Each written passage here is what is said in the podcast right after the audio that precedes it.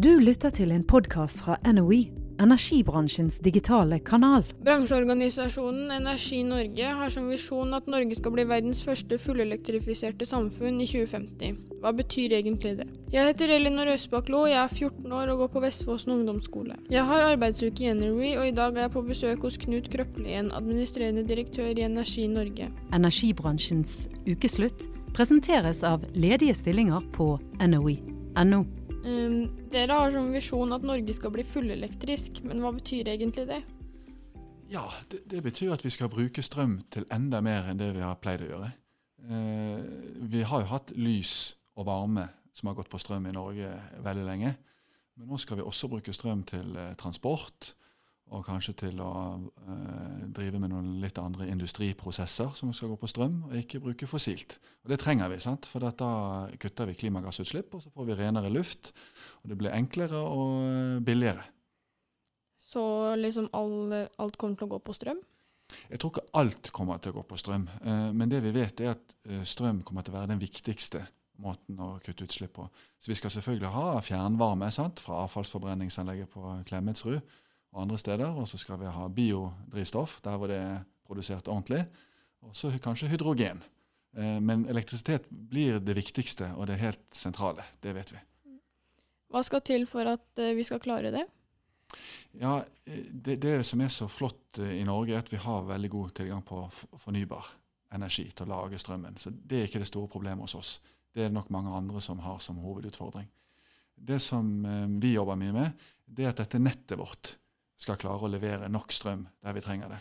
Tenk på alle fergekaiene. Hvis de fergene skal få nok strøm og lade, og at bilene ikke skal stå kjempelenge og vente, da må vi kanskje både få litt mer nett, og så må vi være smartere, kanskje med batteri på kaien og sånn. Så det jobber vi mye med. Eh, strømmen vår er jo allerede fornybar pga. vannkraft, så hvorfor må vi da bygge ut mer vannkraft og vindkraft? Ja, eh, som jeg sa, så er vi jo i den heldige situasjonen at vi har ganske mye fornybar. Og i et vanlig år så har vi litt mer enn det vi trenger. Så da kan vi selge det til noen andre som trenger det.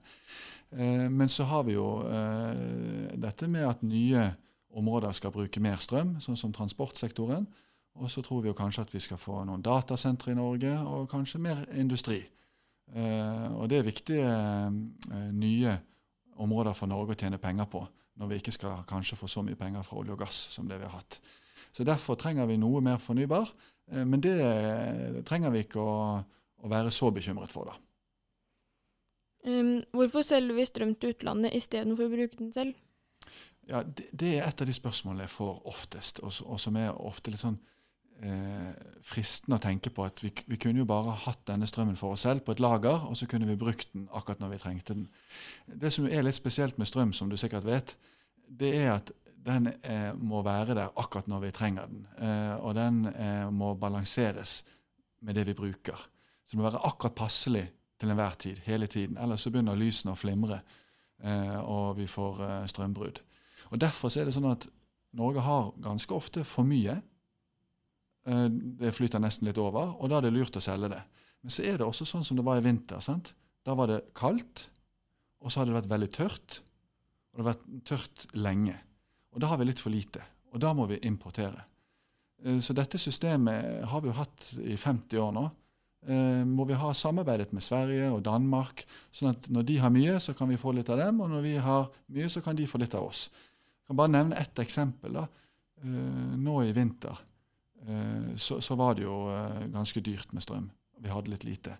Hvis vi skulle klart oss selv da, uten å få hjelp av naboene, så måtte vi ha bygget masse mye mer vind og vannkraft, og kanskje også et gasskraftverk i Norge. Det tror jeg ikke folk hadde akseptert.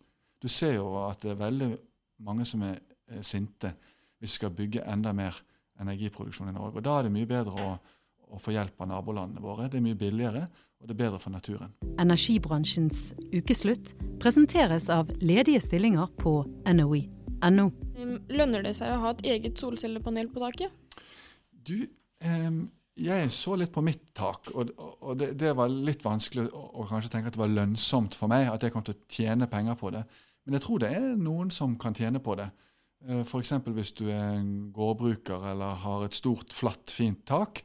Og ikke minst hvis du trenger den strømmen om sommeren. For det er jo da ofte solen skinner, og det produserer mye. Og Hvis du da trenger den strømmen, så kan det jo være lønnsomt.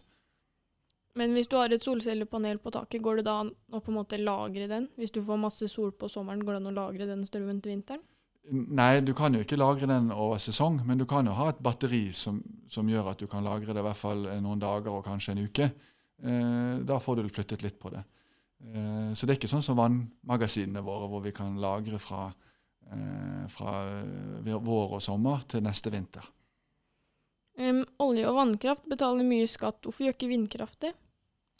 Ja, det er jo noe som uh, diskuterer en god del nå. Uh, for vanligvis så har det vært sånn at uh, der hvor det er veldig små områder og bestemte steder som man ikke kan flytte på, hvor noen kan tjene veldig mye penger, sånn som olje og gass eller de store fossene våre og vannkraften, da betaler man mye skatt. For det å bruke naturressursene våre. Mens der hvor man kan drive med noe nesten overalt, så betaler man selvfølgelig ikke så mye skatt, for da kan alle drive med det, og det er ikke så mye penger å tjene på det. Så er det sånn med vindkraften at den er litt imellom. Eh, det blåser overalt. Eh, det er ikke sånn at man ikke kan bygge vindmøller overalt, men så er det selvfølgelig noen begrensninger også. Så vi tror at eh, det er fornuftig å tenke på at hvis vind tjener veldig mye penger, så bør det også være skatt på den helt ekstraordinære profitten. Men det har vi ikke sett ennå, for vindkraften tjener helt vanlig. Ikke sånn som olje og gass og vannkraft. Det var sikkert litt vanskelig å forstå. Nei, jeg skjønte det. Du skjønte det? Ja, fint. Um, det har vært en del krangling om utenlandskabler og om vindkraft. Hvorfor er det så mye krangling om ting som har med energi å gjøre? Du, Jeg vet ikke hvor interessert du er i historie, uh, men sånn har det vært hele tiden. Uh, så, så energi er jo eh, noe som betyr mye for velstanden til land. betyr mye for sikkerheten til land, at de er uavhengige av andre land. Og betyr mye for nasjonalfølelsen. Eh, så kriger har vært startet, og du vet hvordan det er rundt omkring i verden, at energi kan utløse eh, store konflikter. Eh, og i Norge har vi hatt eh, disse konfliktene helt siden vannkraften ble oppdaget. Da var det jo mange som var sinte på at det kom andre fra andre land og tok den. Eh, og derfor fikk vi masse regler for det. Eh, og så har vi hatt diskusjoner hele veien. Og, og, siden 50 år har vi hatt mye diskusjoner om natur og energi. Altså, Du husker kanskje Alta-aksjonene hvor folk lå i lenker. Eh, så både det med nasjonal kontroll, sikkerhet, og det med miljø gjør at det er masse diskusjon. Og det kommer vi til å fortsette å ha. Men jeg håper jo at diskusjonen kan være saklig. Og det jeg syns er synd nå, det er at det blir veldig mye usaklige kommentarer, og hvor folk uh, diskuterer mest person og ikke sak. Um, jeg har arbeidsuke i Energy for å lære om energibransjen. Hvorfor bør ungdom ha lyst til å jobbe i denne bransjen? Ja, det er det letteste spørsmålet å svare på. Nå har du hatt veldig mange vanskelige spørsmål. Men jeg tror det er i hvert fall to ting. Det ene er uh, det med klima, miljø og bærekraft, som jeg tror masse unge mennesker er opptatt av. Denne generasjonen vi kan få orden på dette, men da må vi stå på. Og det kan man gjøre i energisektoren. Hvis du bidrar der, så kan vi få orden på klimautfordringene og vi kan løse miljøproblemene. Det er kjempemotiverende. Jeg tror alle tenker sånn. Jeg gjør i hvert fall det. Og så er det det andre. Det er at det er så mye spennende sånn teknologi. Tenk på all digitalisering, dataene, alle de tekniske løsningene. Alt vi skal få til for å få smartere systemer. Det er også kjempespennende å holde på med. Eh, og så er det mange andre ting også. Mange hyggelige folk. Da var jeg ferdig. Energibransjens ukeslutt presenteres av ledige stillinger på NOE.no. Ja, da har jeg hatt en jobbuke i NRE, energibransjens digitale kanal, og nå er det tilbake til skolebenken. Så får tiden vise om jeg etter hvert begynner å jobbe i energibransjen, eller om jeg finner på noe helt annet. Takk for meg. Du har nå lyttet til en podkast fra NOE, energibransjens digitale kanal.